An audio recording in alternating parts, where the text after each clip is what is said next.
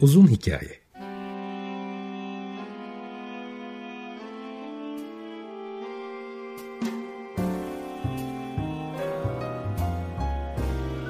Sinir bilim, psikoloji, felsefe ve müzik.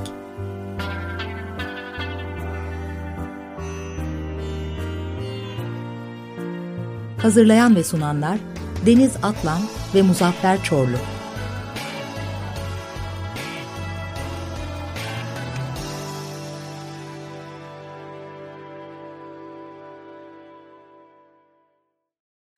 95.0 Açık Radyo'dan, Açık Radyo.com.tr ve onun uzun hikayesinden herkese selamlar. Geçtiğimiz haftalarda epey bir paket programlar yaptık. Ee, yine bunlara devam edeceğiz. Zaten hem e, dinleme üzerine, işitme üzerine e, bir iki program daha olacak. Devam edecek o konuklu programlar. Burada e, bazı programlarda da söylediğim gibi müzikle ilgili olarak müzik yapmanın e, beyinde özellikle bilişsel özellikler başta olmak üzere ne gibi değişikliklere yol açtığına ilişkin ayrıntılı programlar yapmaya özen gösteriyorum biliyorsunuz. Fakat e, bir konu var hem onu cevaplamış olurum hem de bu e, konuk arasından da yararlanmış olarak bunu bir e, sıkıştırmış olayım. Gerçekten de e, müzik üzerine, müzik fenomeni üzerine bana yazanlarla ilgili olarak yani insanda özellikle bilişsel faaliyetlerde ne gibi değişiklikler oluyor ve bunun bir yaşı var mıdır, bir hukuku var mıdır? Evet bunu bugün birazcık konuşalım. Çünkü aslında benim için çok sıcak olan bir konu bu konu. Neden? Burada yaşadığım yerde Belçika'da bir buçuk sene önce başlattığım e, belli bir yaş üstü 55 yaş üzerine yaptığımız deneyleri paylaşacağım ama bir de bu sene tekrar başlıyor. Başka şehirlerde yapmaya devam edeceğim bu deneyleri. Nedir bu deneyler? Aslında öteden biri konuşulur. Müzik yapmak işte insanların e, zekasına ya da işte empati duygusuna şuna buna iyi gelir vesaire diye. Evet doğrudur. Fakat deneklerle yaptığım çalışmalarda bu çalışmaların sonuçlarına baktığımızda aslında insan üzerindeki en pozitif etkileri elbette ki e, çocukken başlandığında olsa da e, öğrenmenin yaşı yoktur prensibini doğrularcasına 55 yaş üzerinde de yapıldığında ki ben e, bu seneki gruplarda 65 yaş üzerine de e, çalışıyorum. Bu ne demektir? Yani aslında emeklilikten sonra ve daha önceden hayatının hiçbir döneminde müzik yapmamış e, insanlarla yapıyoruz bu çalışmaları ve de bu bize şu anda gösteriyor ki çok pozitif değişikliklere yol açıyor. Fakat nedir o pozitif değişiklikler? Buradan nasıl dersler çıkarabiliriz? Şimdi bu programı dinleyenler için eminim her yaştan insan grubu e, Açık Radyo'yu dinliyor olabilir. Fakat eğer belli bir yaşta iseniz, bundan şunu kastediyorum, ya bu saatten sonra ben müzik yapsam ne olur, yapmasam ne olur gibi bir fikir geçiyorsa kafanızın bir, bir tarafından ya da şöyle de düşünüyor olabilirsiniz, ya bu yaştan sonra acaba başlayabilir miyim? Genelde konu müzik olduğunda e, diğer sanatlardan farklı olarak e, insanlar e, bu saatten sonra olmaza daha eğilimliler. Çünkü işin bir de e, sportif tarafı var. Yani hangi enstrümanı çalacak olursanız olun o enstrümanın bir defa bir e, fizik kapasiteyi zorlayan e, böyle iddialı tarafları da var. Yani e, ben bir baktım istatistiklere emekli olunduktan sonra resime başlayanlarla emekli olunduktan sonra müziğe başlayanlar arasında e, çok ciddi bir e, istatistik ayrım var bir tarafta eğer emeklilikten sonra herhangi bir sanata ilgi gösterme aktif olarak yapmaktan bahsediyorum. İlgi göstermeden kastım o. Varsa eğer bu yüzde 97 resim lehine. E şimdi burada tabii e, resim veya müzik sanatının belli bir yaştan sonra daha rahat yapılabilirliğini tartışmıyorum. Burada sadece insanların e, müzik yapmak için bir, bir o kadar da fit olması gerektiği yani fitlikten kastım sonuçta piyano çalacaksanız epey bir kas gücü gitar çalacaksanız çalacaksanız hakeza nefeslerde çok ciddi bir akciğer kapasitesi vesairesi düşünülür. Bunların haklılık payı olsa da bu aslında doğru bir sonuç çıkartmaya engel olan bir ön yargıyı da içinde barındırıyor maalesef. Onu şöyle anlatayım. Öncelikle e, bu programlar serisi içerisinde ben de aynı zamanda bir e, kognitif nöromüzikolog olarak e, biliyorsunuz e, rastladıysanız, rastlamadıysanız Açık Radyo'nun Spotify'ında bu programın hem tekrarları var hem de benim YouTube kanalımda görüntülü tekrarları var. Oradan ulaşabilirsiniz. Yani müzik ne menen bir şeydir, nelere yol açar, yapmak ne demektir, yapıldığı zaman insanın kan e, muhteviyatından tutun da e, beyin nöronal yapısına kadar ne değişiklikler oluyor? Oluyor. Onları e, az çok anlattım. Fakat bugün e, özellikle şuna geleceğim. Belirli bir yaştan sonra dikkat ederseniz ısrarla belirli bir yaş deyip söylemiyorum yaşı. Çünkü kültürden kültüre fark ediyor. Hangi yaşta insan kendini artık bazı şeyler için geç düşündüğü. Örneğin Meksika'da 20'den sonra işte e, Venezuela'da 25'ten sonra Türkiye'yi bilmiyorum ama Belçika'da 70'ten sonra gibi bir takım ayrımlar var. Yani e, ve de eğer belli bir yaştan sonra başlanacaksa da enstrüman gene e, kültürden kültüre değişiyor. Hakikaten işte gene kültüre bağlı olarak bir belirli bir yaştan sonra kimse trombona başlamıyor mesela. Çok ilginç. Ve bu bilgi nereden geliyor? Bu bilgi hiç de öyle düşündüğünüz gibi akademik bir çalışmanın sonucunda üretilmiş bir e, bilgi değil. Tamam diyebilirsiniz ki aklın yolu bir. Yani şimdi bir insan e, 80'li yaşlarında muhtemelen bir trompet dersi aldığında herhalde kas kapasitesi, akciğer kapasitesi, işte üfleme, dudak, burun her türlü dahil olacak organların biraz daha genç olmasında fayda var diye düşünebilirsiniz. Fakat bunu yıkan çok fazla örneklerle dolu ortam. Ben derim ki yaşınız, cinsiyetiniz neyse hiç fark etmez. Hepsini bir kenara koyun. Benim yaptığım deneylerde de sonuç hakikaten çok enteresan. Bir ön yargıyı daha hemen sileyim. Yetenekli olmak, eğilimli olmak, iyi kulak sahibi olmak gibi şeyleri de kenara bırakabilirsiniz. Bunu bu konuda naçizane e, uzmanlığım gereği söylüyorum. Çünkü ben iki farklı grupta yani testler sonucunda evet e, rahat yapabilir. işitme kulağı yani müzik kulağı iyi, e, ritmik kulağı iyi gibi testleri tam olarak geçememişlerle yaptım. Dolayısıyla yani e, işitsel açıdan ve e, kas tendon bağlantıları açısından avantajlı bir gruptan bahsetmiyorum. Dolayısıyla bu e, avantajlı olmadıkları duruma bir de e, hayatları boyunca hiçbir zaman hiçbir enstrümanı çalmamış olmak da vardı. Artı en genci 55'ti ama ortalaması 60'ın üstündeydi. E, 55 tutmuştuk yaşı fakat 55 ile 60 arasında yanılmıyorsam %10 gibi bir kapasite yani %10 gibi bir e, topluluk 55-60'a e, düşüyordu, aralığına düşüyordu. Daha çok 60'ın üstü olduğu için ortalamada 60'ın üstündeydi. Dolayısıyla şimdi anlatacağım yetenekli diye tespit edilmemiş. Kas kemik vücut yapısı nedeniyle e, daha iyi yapabilir gibi bir tanı almamış. Daha önce hiçbir zaman müzik yapmamış ve de e, 60 yaşı üzerindeki insanların belirli bir süre minimum 8 hafta e, maksimum 1,5 yıl olmak üzere müzik yaptıktan sonraki değişikliklerden bahsedeceğim. Ama bunun için e, hemen söyleyelim tabii ki e, buradan çıkarılacak bir ders var. Bunu belki programın sonunda tekrar söylerim. E, bunu ben böyle bir hayatımın sanki misyonu gibi edindim e, bu testlerden sonra. Kimse müziğe çok erken başlamıyor. Çok az sayıda insan müziğe erken başlıyor. Ve inanın onun için ayrıca bir program da yapacağım. Dünyanın ünlü piyanistleri arasında erken başlayanlar olduğu gibi mesela 4 yaşında 5 yaşında başlayanlar olduğu gibi çok geç sayılabilecek e, yaşta da hani bilindiği kadarıyla bu gazetelerin arka sayfalarında işte dahi çocuk 3 yaşında şunu yaptı 4 yaşında bunu yaptı bunlar var biliyorum ama insanların kafasında müziğin erken yaşta yapılabilir. Erken yapılırsa başarılı olabilir gibi maalesef doğru olmayan bir e, çıkarıma yol açan özelliği oluyor. Dolayısıyla bu 3 yaşında, 4 yaşında, 5 yaşında piyanoya başlamışlar ve de hakikaten dünya çapında e, başarılı olanların yanında çok geç başlamışlar da var. 20 yaşında başlamışlar da var. Hatta benim programıma da katılmıştı. E, sevgili dostum Emir Gamsız da mesela kariyerine e, profesyonel basketçi olarak başladı. Onunla yaptığımız programlar YouTube'da ve Spotify'da var. Ve belli bir yaştan sonra yanılmıyorsam o da bir 20'sinden sonra e, çok geç, çok çok geç diye e, söylenebilir. Fakat hem başarılı bir piyanist hem de besteleri de çok güzel. E, dolayısıyla bunun gibi çok örnek var dünya çapında ve bu piyanoyla da sınırlı değil. Gitaristler arasında da e, var bu. Ha bir de çok az bahsedilen bir şey var. Onu da söylemeliyim. O da erken yaşta başlayanların avantajlı olduğunu her zaman duyarız. E, bu avantajı yerle bir edecek şey varsa erken başlamış olmasına rağmen başarılı olmamışların sayısı daha fazla. Dolayısıyla bu korelasyonu dikkatli yapmak lazım. Fakat ben şuna karşı değilim. Erken başlamak zararlı mıdır? Ee, eğer e, çok küçük yaştaki çocuk e, hem eğleniyor hem de öğreniyorsa tabii ki zararlı değil. Ama bazı katı disipliner eğitimlerde çocuğun oyun sırasında geliştireceği psikolojik melekeleri işte hem duygu durumunu e, bütün hayatı boyunca kullanacağı stratejileri engelleyecek düzeyde olmamalı. Dolayısıyla artık bu hataya düşülmüyor. Eskiden 60'larda bazı ekollerde, e, bazı ülkelerde, ülkelerin ismini verip şimdi yanlış şeye ulaşmayayım ama kafamda bir iki ülke var. Oradan öğrencilerini biliyorum çünkü.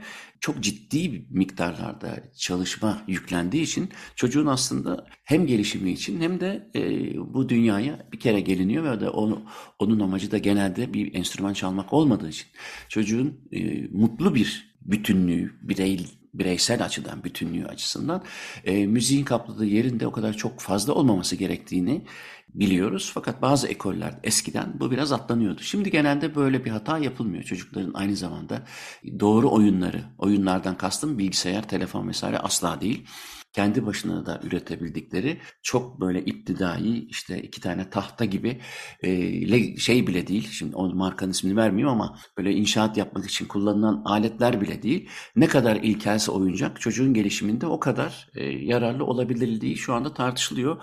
Bununla ilgili özellikle oyun psikolojisi ve bu konuda uzman bir konuğum olacak ve bunu onunla konuşacağım için bu konuyu orada burada sınırlandırayım fakat demem o ki çocuk yaşta başlanıldığında da aslında e, yaklaşık olarak haftada birkaç saati geçmeyen bir eğitimden bahsediyoruz. Günlük demiyorum, haftalık diyorum. Buna da tabii ki karşı olmadığım gibi çocuk fiziksel olarak büyürken enstrümanına göre bir takım değişiklikler yani kendi bireysel evriminde e, o enstrümana göre gelişiyor olması avantaj yaratıyor. Bunda bir e, hiçbir şüphemiz yok. Fiziksel bir avantaj yaratıyor. Fakat dediğim gibi çok ileri yaşlarda başlamış olanlarda e, ha bu arada şey de söyleyeyim nasıl tespit ediyoruz? Neler nelere bakılıyor? Onları bilmemiz lazım. Bir defa e, bu çalışmalarda psikologlar oluyor, müzisyenler oluyor, istatistik istatistikçiler oluyor, data analizli e, analizi uzmanları oluyor, grup ve müzik terapistleri oluyor, e, aynı zamanda sanat bilimcileri, art science uzmanları oluyor vesaire. Çünkü belirli bir eğitim sürecinden sonra ki bu haftada iki saatlik bir eğitim ve aynı zamanda da bireyden de haftada iki saat belirli bir çalışmayı, ödev diyelim yapmaları isteniyor. Yani e, sadık kalanlar içerisinde demek ki haftada maksimum 4 saatten bahsediyoruz. 4 saatlik bir, 2 saati uzman eşliğinde, 2 saati de kendi başlarına bir çalgı ile e, ilişkiye giriyorlar. Burada şimdi öğreniyorlar demek istemiyorum. İlişkiye giriyorlar. Evet doğru bir şekilde nasıl o enstrümanın kuralları neyi gerektiriyorsa tutuştan e, üflemeliyse üflemeye, yaylıysa işte yaya kadar, gitarsa işte parmaklar, tırnaklar vesaire ve de belli bir yaşın üstünde olduğu için de gençlere uygulanan programın e, yarı hızında uygulanıyor. Yani e, 6 ayda gelinecek bir e, seviyeye bir yılda gelmeleri planlanıyor vesaire. Fakat bunlardan sonra bu eğitimin ayrıntılarını e, başka bir programda anlatırım ama e, bu eğitimin sonunda da çeşitli teknikler uygulanıyor. Mesela işte MR'la e, beyinleri taranıyor öncesinde ve sonrasında. İşte EEG'ler hem performans sırasında hem öncesinde yani beyin akımları, elektrik akımları ölçülüyor. Motion capture teknoloji hani mocap diye bizim kısaca söylediğimiz işte çeşitli uzuvlarına yani mesela parmaklarına, kollarına şeyler yerleştiriliyor, reflektörler yerleştiriliyor ve hareketi algılayan kameralarla çalma sırasında işte kayıtları yapılıyor ki e, sonrasında bunların avatarları çıkarılıyor ve e, hareket değişiklikleri falan gözlemleniyor. İşte kullandıkları ilaçlar vesaireler hesaba katılarak e, öncesinde ve sonrasında hem çalışma e, öncesinde ve sonrasında haftalık hem de e, aylık e, işte kan basınçları yani tansiyonları diyelim ölçülüyor. Kanları alınıyor e, ve de çeşitli anketler e, uygulanıyor. Ve bütün bunların amacı öncesinde ve sonrasında yani hem dersin öncesinde ve sonrasında hem de sürecin önünde ve sonunda yani eğer 6 aylık bir e, eğitimden geçiyorlarsa önünde ve sonunda bütün bunlar uygulanarak aradaki farklara bakılıyor. Şimdi burada e, heyecan verici olan tabii sonuçlar çıkıyor. Bütün bu sonuçları detaylarıyla vermek istiyorum. Çünkü bu aslında e, bize hemen sonunda söyleyeceğim, başta söyleyeyim, e, müziğe başlama yaşının olmadığını gösteriyor ve her tür durumda e, bir avantajla sonuçlandığını gösteriyor.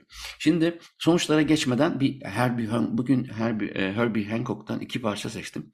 Bir tanesini kendi bestesi çalıyor, öbürsüne Cantaloupe Island'da eşlik ediyor diyelim. O da o grupta. Önce e, Watermelon Man'i e, dinleyelim Herbie Hancock'tan.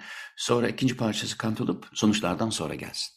Herbie Hancock dinledik. Watermelon bugün belirli bir yaşın üstünde insanların müziğe başladığı zaman ne gibi değişiklikler oluyor bünyesinde, bedeninde, beyninde onları tartışıyoruz ve bu tartışmada da e, ben aslında e, kendi yaptığım deneyleri e, daha çok kullanıyorum. Fakat bu benim yaptığım deneylerin sonucundaki elde ettiğimiz verilerin e, dünyanın çeşitli yerlerinde de e, tekrarlandığını, dolayısıyla e, hem metodolojik açısın, açıdan güvenilirliğini yükseltiyor bu ama bir yandan da sonuçların daha güvenli e, güvenilir e, ve geçerli olacağına ilişkin e, şeylerimizi, güvenimizi arttırıyor. Dolayısıyla e, harmanlıyorum hem kendi deney sonuçlarımı hem de e, daha önce yapılanlar ya da benden bağımsız olarak paralel yapılanlarla birlikte. Şimdi bir defa özellikle iki yılın üstündeki çalışmalarda e, daha sağlıklı bir kalbe işaret ediyor. E, belirli bir yaştan sonra müzik eğitimi. Neden? En çok e, üzerinde durulan şey e, anlamlı şekilde e, heart rate'i yani kalp atış e, ritmi diyelim e, oranını e, düşürüyor. Yani bu tabii ki kan akışının da biraz daha rahat olabileceği anlamına geliyor. Fakat çok yararlı komponentleri de bir araya eklememiz lazım. Bunlardan bir tanesi kortizol e, oranlarındaki düşüklükler. Yani e, bu, bu pozitif bir şeyden bahsediyorum tabii. Kortizol e, seviyesinin düşmesi ee, yani insanın sürekli kendisini streste hissetmesine yol açan stres yerinde çok yararlıdır ve de kısa süreliyse hele belki insanın hayatını kurtarabilir ama e, gerekmeyen bir şekilde uzun stresli e, ya da hayatı öyle hissetmek ki bu günümüzün hastalığı bile olabilir. Kortizol e, seviyelerinin yükselmesine yol açıyor ve bunun da bir sürü hasar yapan e, özellikleri var ve bunların başında da kalp geliyor. İşte burada e, iki yıl ve üstündeki müzik eğitimine tekrar ediyorum 70 yaşın üstünde bu grup ve iki yıl haftada toplam 4 saat müzikle ilgileniyorlar. Ve de işte ödevlerini iyi yapıyorlar mı, e, başarılılar mı gibi hiç kafanız oraya gitmesin. Bunlar sorgulanmıyor bile. Tabii ki belirli bir eğitim kalitesinden ve metodundan geçtikleri için tabii ki bir sürü şey öğreniliyor. Fakat bu öğrenilenin optimum olup olmadığı, hedeflerinin uyup olmadığının hiçbir önemi yok. Önemli olan o 4 saat boyunca haftada ve mümkünse en az 4 ayrı günde hatta 6 günde olabilir 45'er dakika gibi el, eline bu enstrümanlarını alıyor olmalarından başka bir şart yok. Yani bel, belirli gamları şurada çalacak, arpejleri şurada çalacak, şu parçaları çalacak gibi bir şart zinhar yok. Dolayısıyla aklınız oraya gitmesin. Sadece e, düzenli olarak konsantre bir şekilde çalışmaları bu kadar. Ben de bu deneylerde bulunduğum için biliyorum evet e, zaman zaman derslerin yüzde otuzu yüzde kırkı verimsiz geçebiliyor. Tam istenildiği gibi olmuyor ama hiçbir önemi yok dediğim gibi. Ama tabii şunu da söyleyeyim. Daha verimli olabilenler arasında e, bırakın iki yılı benim grubumda yani 55 üstü ama ortalaması 60 üstü olan e, öğrencilerde benim e, gözlemlediğim 6 ay sonra gerçekten de onların e, dünyasında benim bunu çalmam hayal diye adlandırdıkları parçaları çaldıklarını biliyorum. Bunların da e, belgeseli yapılacak. E, onu herhalde e, bir şekilde ben kendi kanalımda da yayınlarım ama Belçika için yapılıyor belgesel. E, şimdi belediyeyle tekrar anlaştık ve iki sene daha uzattık bu projeyi ve bu belgeselde de zaten bu ayrıntıları e, göreceksiniz. Ama dediğim gibi sonuçta bir kortizol seviyesinin e, buna bağlı olarak düşmüş olması bile bence çok kaliteli bir sonuç, çok e, kayda değer bir sonuç. Ama bununla beraber yapılan işte biraz önce bahsettiğim test ölçümlerinde serotonin ve endorfin gibi e, hormonların ya da işte nörotransmitterlerin de yükseldiğini görüyoruz. Bu da önemli bir sonuç. Bir o kadar da işte prolaktin gibi, oksitosin gibi bizi hakikaten hem daha daha mutlu diyelim. Yani çok fazla detaya girmeyeyim. Daha iyi hissetmemize, kendimizi gerçekleştirmiş olma hissine ve dolayısıyla da aslında direkt olarak immün sisteme e, yani bağışıklık sistemine yararlı nörotransmitter ve hormonların salınımının arttığını gözlemliyoruz ki bu dediğim gibi dünyanın birçok yerinde yapılan deneylerle de paralellik gösteriyor. Şimdi kan, kalp, hormonları bir kenara koyarsak e, bu konuda yani müziğin e, müzik yapan insanlar arasında özellikle bu işi profesyonelce yapanları ve amatörce yapanları kabaca ikiye ayırırsak etkisinin buraya şaşıracaksınız biliyorum. Etkisinin amatörce yapanlarda çok daha pozitif olduğunu görüyoruz. Burada muhtemelen e, ben bir profesyonel müzisyen olarak e, bu işin streslerini tabii ki çekiyorum. Sonuçta e, yaptığım işin benim hayatımı geçindirmesi gerekiyor. Yaptığım işin işte kişilik özelliklerime göre işte belli bir kalitesinin olması gerekiyor vesaire vesaire. Ama hobi olarak yaptığım bir şeyler var mesela benim. Hobi olarak ilgilendiğim spor alanları var. Hobi olarak ilgilendiğim e, bazı başka müzik türleri var. Oralarda çok daha stressiz olduğumu biliyorum. Çünkü oradaki yegane hedef anı yaşayıp zevk almakta. Bu birinci sebep. Yani amatörlerin bu geç yaşta da olsa başladıklarında müziğin kendilerine beyin, kalp, damar sistemlerine iyi gelmesinin amatörler arasında daha yaygın oluşunu açıklayabilir. Ama bir sebebi de elbette e, beklentilerin, planların, programların aslında biraz daha mütevazi oluşu.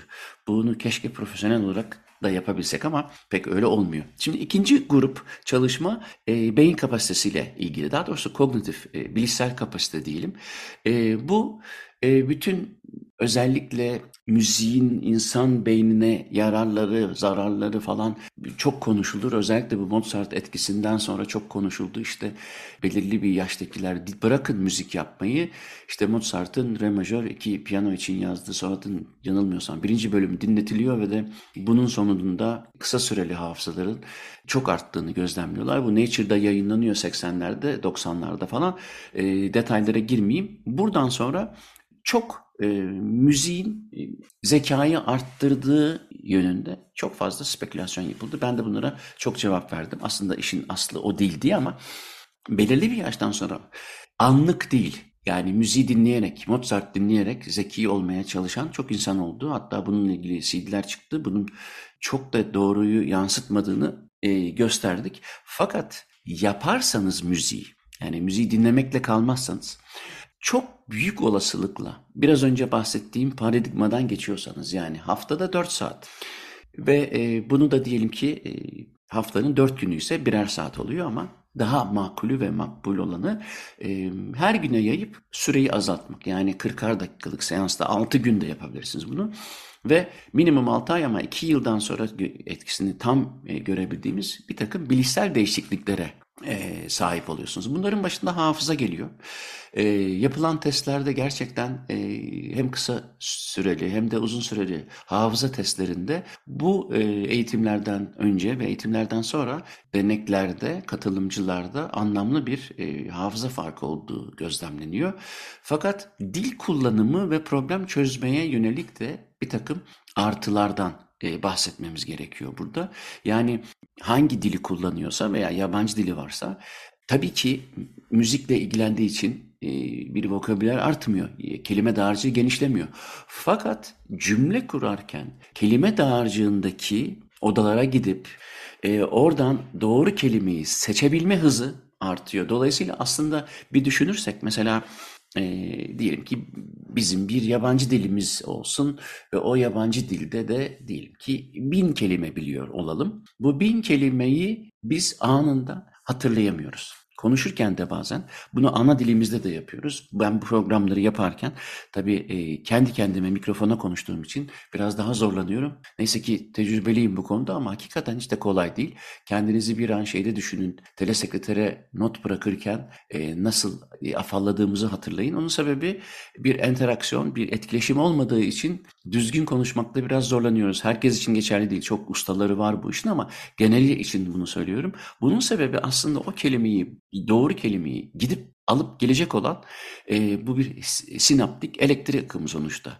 Müzikle birlikte bunun arttığını yani aslında bir hareketlenmenin olduğunu dolayısıyla müzikle beraber kullanılan dilin daha akıcı, daha rahat, kelimeyi daha rahat bulacak bir özelliğe sahip olduğu tespit edilmiş. Bu benim testlerimde tespit edilmedi e, ama bunu tespit eden testler var Dolayısıyla e, biz çünkü buna bakmadık. E, aynı şekilde problem çözme üzerine e, bir gelişme kaydettiğini görüyoruz deneklerde. Yani e, suni deneyler bunlar tabii ki işte bir e, bir bazen haritalı, bazen işte bir matematik problemini e, eskiye göre daha rahat çözebildiklerini gösteriyor. Ben bu aslında tüm e, bu işlevsel, bilişsel kapasite gelişimini yani hafıza, dil kullanımı, problem çözme gibi e, bilişsel kapasiteleri birbirine bağlıyorum. Çünkü hepsinde ortak özellik müzik yapıldığında beynin bir sürü bölgesinin aktive edilmiş olmasından kaynaklı bir hareketlilik sonu, söz konusu.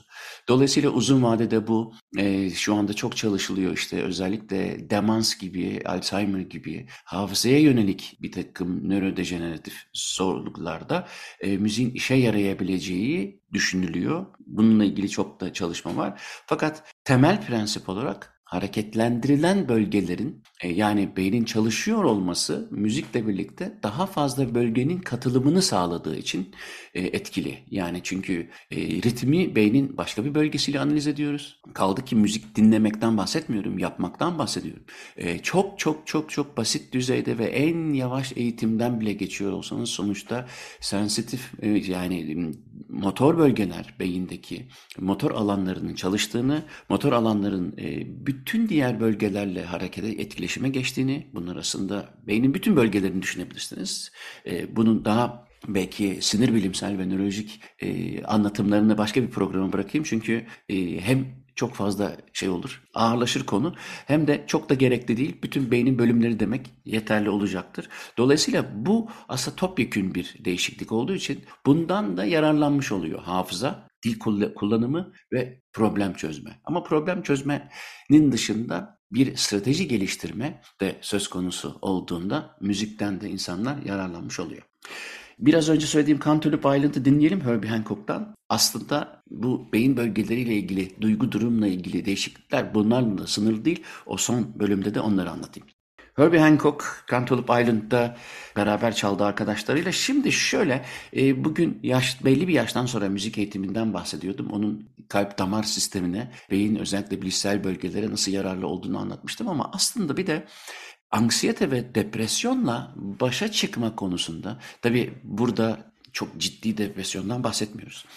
Deprese olunmuşluk halinden bahsediyoruz ve anksiyete, genel genel kaygılanma durumunda e, artmış bir dopamin. Evet bunu ben mesela bekliyor insan tabii bir dopamin artışı söz konusu. E, dopamin artışı aslında e, hani böyle dopaminerjik bir şeydir müzik ama maalesef bu e, ekranlar, telefonlar, televizyonlar, e, bilgisayar ekranları falan e, bizim bu toleransımızı çok arttırdığı için insanlar fazlasıyla e, dopamini arttıran şeylere maruz kaldığı için normal standby durumları aslında hakikaten üzgün olmaya başladı insanların. Müzikteki bu dopamin artışı aslında e, insanların aklında hep şu var, dopamin bizi mutlu eder. Hayır aslında dopamin bizi bir arayışa iter. Dolayısıyla biz e, aslında farelerle yapılan deneylerde dopaminli düşürülmüş, engellenmiş farelerin e, yemek yeme istekleri e, yok. Fakat ağızlarına beslendiğinde var. Yani aslında fare dopamin olmadığı zaman ben yemek yemem demiyor. Sadece gidip arayamam diyor. Bu bence çok önemli bir bir fark. Bizim gündelik hayatta canlılığımızı sağlayan şey bir motivasyonun peşinde olmak. Zaten belki de yaşamın tanımı da bu olabilir. Bir şeyin peşinde olmak, bir meselemizin olması, bir derdimizin olması. Ee, işte bu müzikle beraber, müzik yapma diyorum karıştırılmasın, dinlemekten bahsetmiyorum. Artan bir hormon. Ve aynı şekilde de e, duyguların, duygu durumunun daha dengeli diyelim olmasını sağlayacak bir e, değişiklik de amigdala bölgesinde oluyor. E, diyebilirsiniz işte 55 yaşından sonra başlayıp da bu değişiklikler gerçekten e, mümkün mü? E, hakikaten de mümkün. Bunların Hani benim paylaşmama gerek yok. İnternette belirli bir yaştan yaşlılar üzerinde müzik eğitiminin beyin ve bedene gelişimi diye baktığınızda son derece e, saygın hakemli dergilerde ve e, metodolojik yeterliliği ve bilimsel geçerliliği güvenliği yüksek olan makaleler rastlayacaksınız. Hani kendi deneylerimden bahsediyorum ama bu neredeyse universal bir özellik taşıyor. Burada hemen şunu hatırlatayım. E, Alzheimer gibi ya da daha nörodejeneratif hastalıklarda o belirli bir hastalık evresinden sonra başlanılan müzik işe yarar mı diye soru geliyor. Ben bununla ilgili bir çalışma görmedim. Ne yarar diyebilirim ne de e, yaramaz diyebilirim. Dolayısıyla bu konuda henüz rastlamadım ama rastlarsam onları sizinle paylaşırım. E, bir çalışmada Gene 60 yaş üzerinde bir yıllık müzik eğitiminden sonra e, belirli hafıza e, özelliklerinin değiştiğini tespit etmişler. O ilgimi çekti. O da şöyle e, buna işte stimulating memories dediği yani e, hafızayı canlandırmak mı diyelim. Bazı şeyleri tekrar geriye çağırdığını anekdote olarak anlatan çok olmuş. Bu tabi aslında benim ne gibi bir bilişsel değişikliği değişikliğe yol açabilir. Müzik konusunda anlattığım şeyi doğrular nitelik. Ee, bir de gündelik hayatın hani e, içerisinde bir sürü e, insanın karşılaştığı durum var. E, bu 4 saatlik haftalık müzikle ilişkilendirilmiş insanlarda bir o kadar e, fizyolojik arousal durumunun yani hareketlenme, daha çok hareket etme isteğinin arttığını görüyoruz. E, ve bence çok enteresan bir nokta varsa o da e, koordinasyonun arttığını gözlemliyoruz. Bunlarla ilgili bazı testler var. O testlerde e, bir yıllık bir müzik eğitiminin bile örgün bir müzik eğitiminden bahsetmiyorum. Konservatuara gitmekten bahsetmiyorum. Çünkü insanlar üşengeçlikten başlamamak için öyle e, bu müzik eğitimini zor anlama eğilimindeler. Sakın öyle bir hataya düşmeyin. Hiç ondan bahsetmiyorum. Basit bir e, piyano, basit bir gitar dersinden bahsediyorum. Hobi olarak bahsediyorum. Haftada bir kere ders aldığınızı evde de işte 4 saat toplam olacak şekilde e, çalıştığınızı varsayıyoruz. Bu kadar. Fazlası değil. Buna rağmen e, bu kadarlık bir şeyle bir yıl sonra 60 yaş üstündeki insanlarda sağ sol el ayak koordinasyonlarının geliştiğini tespit ediyoruz. Bu e, hem paralel hem asinkron Tabii müziğin içinde bir multitasking olduğu için ve bir o kadar da neredeyse tüm bedeni dahil ettiği için bir yıllık bir çalışmada bile bu koordinasyonun arttığını görüyoruz. Bu aslında bizim için çok gerekli olan bir beden durumu. Bu da mesela çok iyi bir avantaj beden dillerinde değişiklik olduğunu gösteren çalışmalar var. ama kendini ifade etmede daha başarılı olduğunu anketlerde en çok rastladığımız özelliklerden bir tanesi.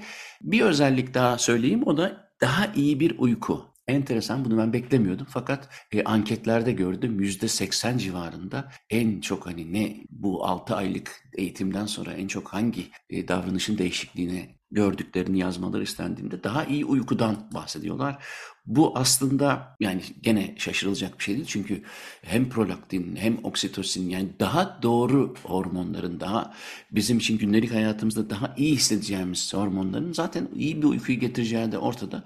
Kaldı ki e, bu derslerin teke tek olmasından bahsetmiyoruz. Bazen e, grup halinde de oluyor. Öyle durumda tabii oksitosin hormonunun e, çok ciddi şekilde arttığını e, görebiliyoruz ki bu da aslında özellikle yaşlılarda çok gerekli e, sosyal izolasyonun da yan etkilerini ortadan kaldıracak bir şeye özelliğe sahip.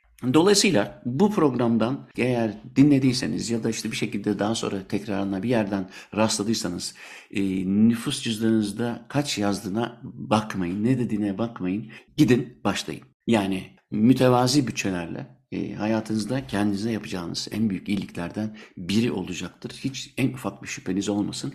Şu soruya cevap vereyim. Bu çünkü bana soruluyor genelde. Peki hangi enstrümana başlamak en iyisi? Bunu tamamen kendiniz cevaplayın. Evet yani kültürünüz ve zevk aldığınız müzik her neyse o en yararlı olacaktır. Yani çok ciddi bir Türk halk türküsü zevkiniz varsa, çok ciddi bir sevginiz varsa, en çok ondan keyif alıyorsanız e, bağlama dersinin daha doğru olabileceğini söyleyebilirim. Ya da işte cazdan çok hoşlanıyorsanız bunun için işte bir caz gitar e, eğitimi alabilirsiniz. Fakat bazıları da şey diyor. Mesela ben işte Türk, klasik Türk musikisinden hoşlanıyorum ama orada yüzlerce enstrüman var. Hangisini seçeyim? Ya da klasik müzikten hoşlanıyorum.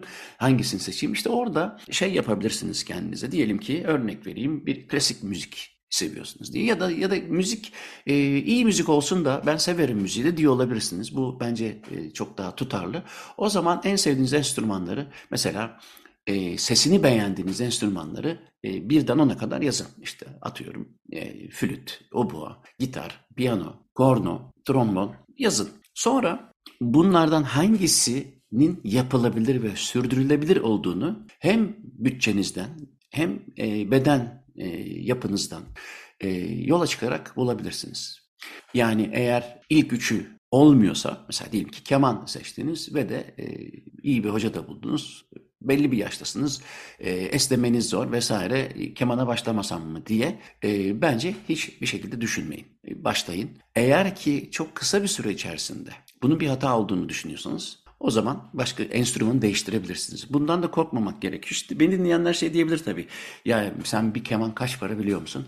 Ee, bilmiyorum. Yani e, kaç paraysa kaç para diye cevap vermek istiyorum size. Niye? Çünkü gidin Stradivarius alın denmiyor. Artı e, insanların kendisine çok anlamlı bir yatırım yapacağı zaman ben istatistiklere baktım. Ucuz olmaması gereken şeyler var insan hayatında. Mesela bunlardan bir tanesi günlük hayatın %30'u yatakta geçiyor. Ve de çok, uyumak da çok önemli. Ucuz bir yatak yapılabilecek en büyük hata.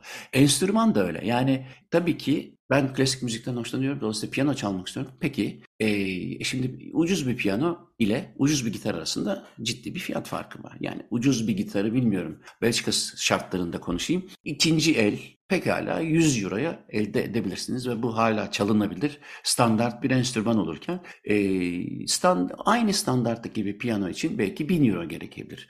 Dolayısıyla o enstrümana göre değişiyor. Fakat bu anlattığım fiyatlar da maksimum. Dolayısıyla e, ekonomi de yani işin ekonomik tarafı da bence caydırıcı değil. Kaldı ki bilmiyorum hem kiralanabiliyor hem de e, bütün bunlar çok pahalı geliyorsa dünyanın en ucuz e, enstrümanları, ucuzlarından seçeceğiniz bir darbuka da aynı işi görecektir. Dolayısıyla hiç kaçarınız yok. Ben bütün mesajlarımı verdiğimi düşünüyorum. Haftaya yeni bir programda görüşürüz. Bize sorularınız olursa Muzaffer Gmail adresine ya da Deniz Atlam Gmail adresine yazabilirsiniz. Haftaya görüşürüz. Hepinize günaydın.